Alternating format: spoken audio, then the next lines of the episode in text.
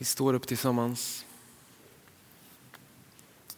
och lyssnar till dagens evangelietext från Lukas evangeliets 23 kapitel. Från vers 26. När de förde bort Jesus hejdade de en man från Kyrene som hette Simon och som var på väg in från landet och lät honom ta korset på sig och bära det efter Jesus. En stor folkmassa följde med och kvinnor som sörjde och klagade över honom. Jesus vände sig om och sa till dem, Jerusalems döttrar, gråt inte över mig. Gråt över er själva och era barn. Det kommer en tid då man ska säga, saliga det ofruktsamma, det moderliv som inte har fött och det bröst som inte har gett di. Då ska man säga till bergen, fall över oss och till höjderna, dölj oss. Ty om man gör så med det gröna trädet, vad ska då inte ske med det förtorkade? Det förde också ut två förbrytare för att avrätta dem tillsammans med honom. När de kom till den plats som kallas skallen korsfäste de honom och förbrytarna, den ene till höger och den andra till vänster. Jesus sa, Fader förlåt dem, de vet inte vad de gör. De delade upp hans kläder och kastade lott om dem. Folket stod där och såg på. Rådsmedlemmarna hånade honom och sa, andra har han hjälpt, nu, nu får han hjälpa sig själv om han är Guds Messias, den utvalde. Också soldaterna gjorde narr av honom. De gick fram och räckte honom surt vin och sa, om du är judarnas kung så hjälp dig själv. Det fanns också ett anslag ovanför honom, det här är judarnas konung. Den ena av förbrytarna som hängde där smädade honom och sa, är inte du Messias? Hjälp då dig själv och oss. Men då tillrättavisade honom den andre, är du inte ens rädd för Gud, du som har fått samma straff? Vi har dömts med rätta, vi får vad vi har förtjänat, men han har inte gjort något ont. Och han sa, Jesus, tänk på mig när du kommer med ditt rike. Jesus svarade, sannerligen, redan idag ska du vara med mig i paradiset. Det var nu kring sjätte timmen. Då blev det mörkt över hela jorden ända till nionde timmen. Det var solen som förmörkades. Förhänget i templet brast mitt i tu och Jesus ropade med hög röst Fader, i dina händer lämnar jag min ande. När han sagt detta slutade han att andas. Officeren som såg det som hände prisade Gud och sa han var verkligen en rättfärdig man. När folkmassan som samlats där som åskådare hade sett vad som hände vände de hemåt och slog med händerna mot bröstet. Men alla hans vänner och bland de kvinnorna som hade följt med honom från Galileen stod på avstånd och såg allt sammans. Himmelske Fader, låt nu detta ord om din sons död på korset få bli levande i våra liv. Amen.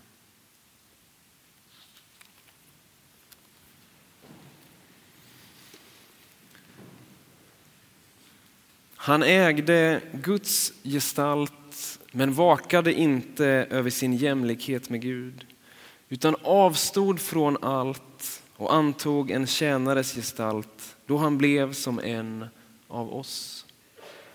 När han till det yttre hade blivit människa gjorde han sig ödmjuk och var lydig ända till döden, döden på ett kors. Vad innebär det för oss att Jesus var lydig ända till döden, döden på ett kors? Om detta har det diskuterats länge. Vi pratar tusentals år. Det har samtalats och till och med debatterats om den stora försoningen. Om huruvida Jesu död på korset innebär försoning för såväl Gud som människa eller antingen eller. I det så motsägelsefulla som den så kallade försoningsstriden kan vi tala om två ytterligheter. Den ena ytterligheten menar eller menade att det var absolut nödvändigt att Jesus dog på det här sättet för mänsklighetens synd. För att försona människan med Gud. Den andra ytterligheten menar att det inte var nödvändigt, men att Gud trots det valde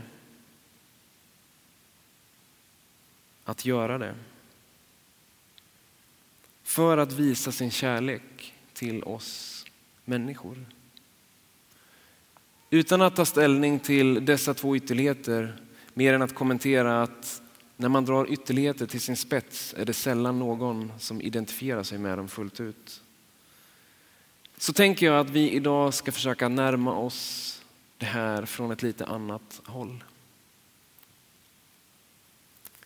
Om vi alla för en stund stannar upp och tänker tillbaka på våra liv. På vad vi varit med om och vad vi gått igenom. Och så försöker vi försiktigt påminna oss om någon händelse eller någon gång då vi känt av en verklig förlust. Eller ett verkligt svek. Någon gång då vi blivit verkligt sårade av en annan människa. Och så långt du orkar med och vågar så försök påminna dig något om hur det kändes. Och du som verkligen har blivit sårad, sviken eller förlorat någon, du vet direkt vad det är jag pratar om. Du vet direkt hur det här känns. Den här fruktansvärda känslan som kanske bäst kan beskrivas som ett stort svart hål som vill sluka oss.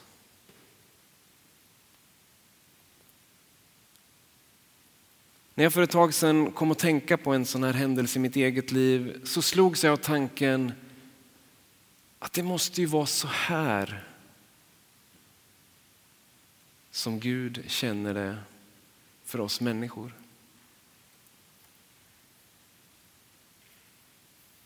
Det måste vara precis så här det känns för Gud när vi människor vänder Gud ryggen. Och det här betyder att alla vi som någon gång känt av en sån här förlust eller på något sätt blivit sårade har anat något av hur Gud känner för oss människor. Så samtidigt som detta låter oss uppleva något av hur Gud känner för oss så säger det kanske ännu mer om vad Gud inte bara känner för oss utan också att Gud faktiskt känner med oss. Försoningen och korset, det handlar ju om precis det här. Att oavsett vad vi gått igenom, vilka hemskheter och hinder vi har mött, vilka misstag vi har begått, så har Jesus känt och gått igenom detta med oss. Inkarnationen, det här stora att Gud blev människa. Det handlar om att Gud valde att dela den mänskliga tillvaron med allt vad den innebär. Och sedan lät Gud det hela gå så långt att Jesus faktiskt dog. Och här är det viktigt att poängtera att Jesus verkligen dog. För det här handlar inte om att Gud ville läsa sig till kunskap och försöka förstå hur det är att vara människa. Utan Gud ville faktiskt gå igenom det och känna det, uppleva det. Så att du och jag skulle kunna bli av med det. Det är en Gud som bryr sig. Och Det här betyder ju att hur ensamma, sårade, misslyckade och trasiga vi människor än kan vara och känna oss så är vi aldrig ensamma i ens de mörkaste situationer. I många utsatta situationer så kan nästan det värsta vi kan säga till våra medmänniskor vara att jag vet precis hur du känner. Eftersom det omöjligt kan vara sant. Vi kan ana, vi kan försöka sätta oss in och tänka oss in i vår nästas situation och försöka förstå hur det känns. Men oftast kan vi aldrig veta eller förstå fullt ut. Det ligger i vår mänskliga begränsning. Men det kan Jesus. Genom Jesus är Gud inte en Gud som ser på utan en Gud som går med rakt igenom just den situation som du befinner dig i eller har befunnit dig i. Om vi går tillbaka till vår första utgångspunkt, nämligen den i det svåra och det mörka. Hur många av oss har inte funnit oss själva i sådana här situationer där vi har tänkt ah, om jag bara kunde göra detta ogjort. Om jag bara hade gjort så där eller där vid det där tillfället, då hade det kanske varit illa men inte så här illa. Finns det verkligen ingenting jag kan göra? Denna maktlöshet och dessa varför-frågor som nästan kan äta upp oss människor inifrån. Den maktlösheten kände inte Gud. För eftersom Gud är Gud och vi människor bara är människor så fanns det något som Gud kunde göra i de situationer där du och jag inte räcker till. I de situationer där det inte finns något mer för oss att göra. Och det var precis vad Gud gjorde. Genom att Gud lät Jesus dö på korset så gjorde Gud det omöjliga möjligt. Och det är precis det här som den ena rövaren på korset inser när han hänger där bredvid Jesus. För den här rövaren så är det ju bokstavligt talat kört. Nedräkningen har börjat och det är bara en tidsfråga innan han tar sitt sista andetag. Och i den situationen så vänder han sig till Jesus. Utan att förvänta sig någonting så erbjuder han det enda som han har kvar att ge. Insikten om att han faktiskt får det som han förtjänar. Och så ber han Jesus att åtminstone tänka på honom när han kommer till sitt rike. Och i Jesus svar till den här rövaren så finner vi hoppet.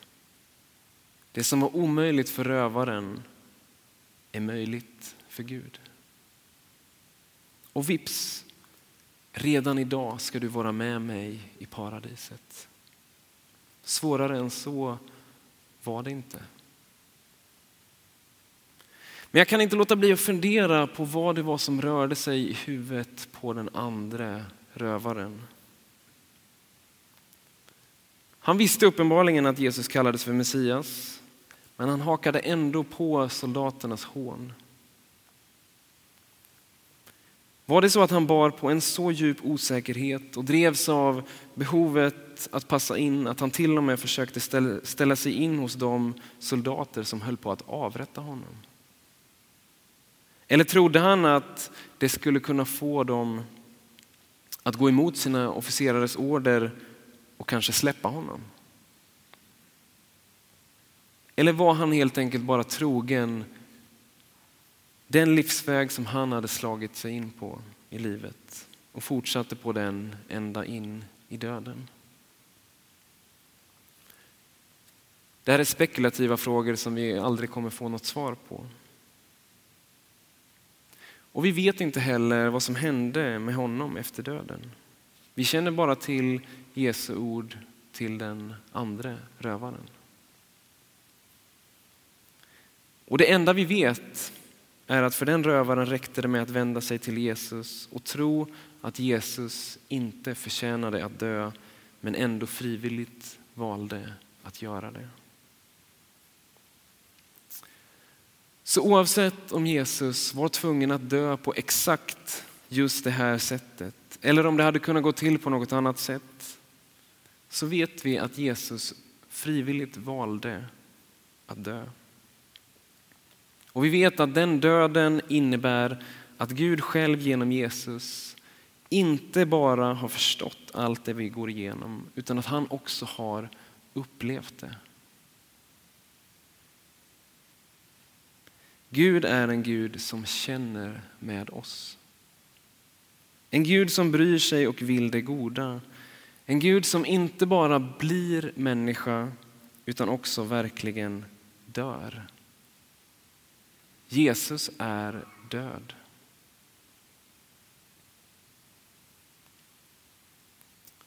Men Gud är också en Gud som inte bara dör för din och min skull, utan en Gud som genom sin död också inbjuder oss att på söndag återigen fira gudstjänst. Amen.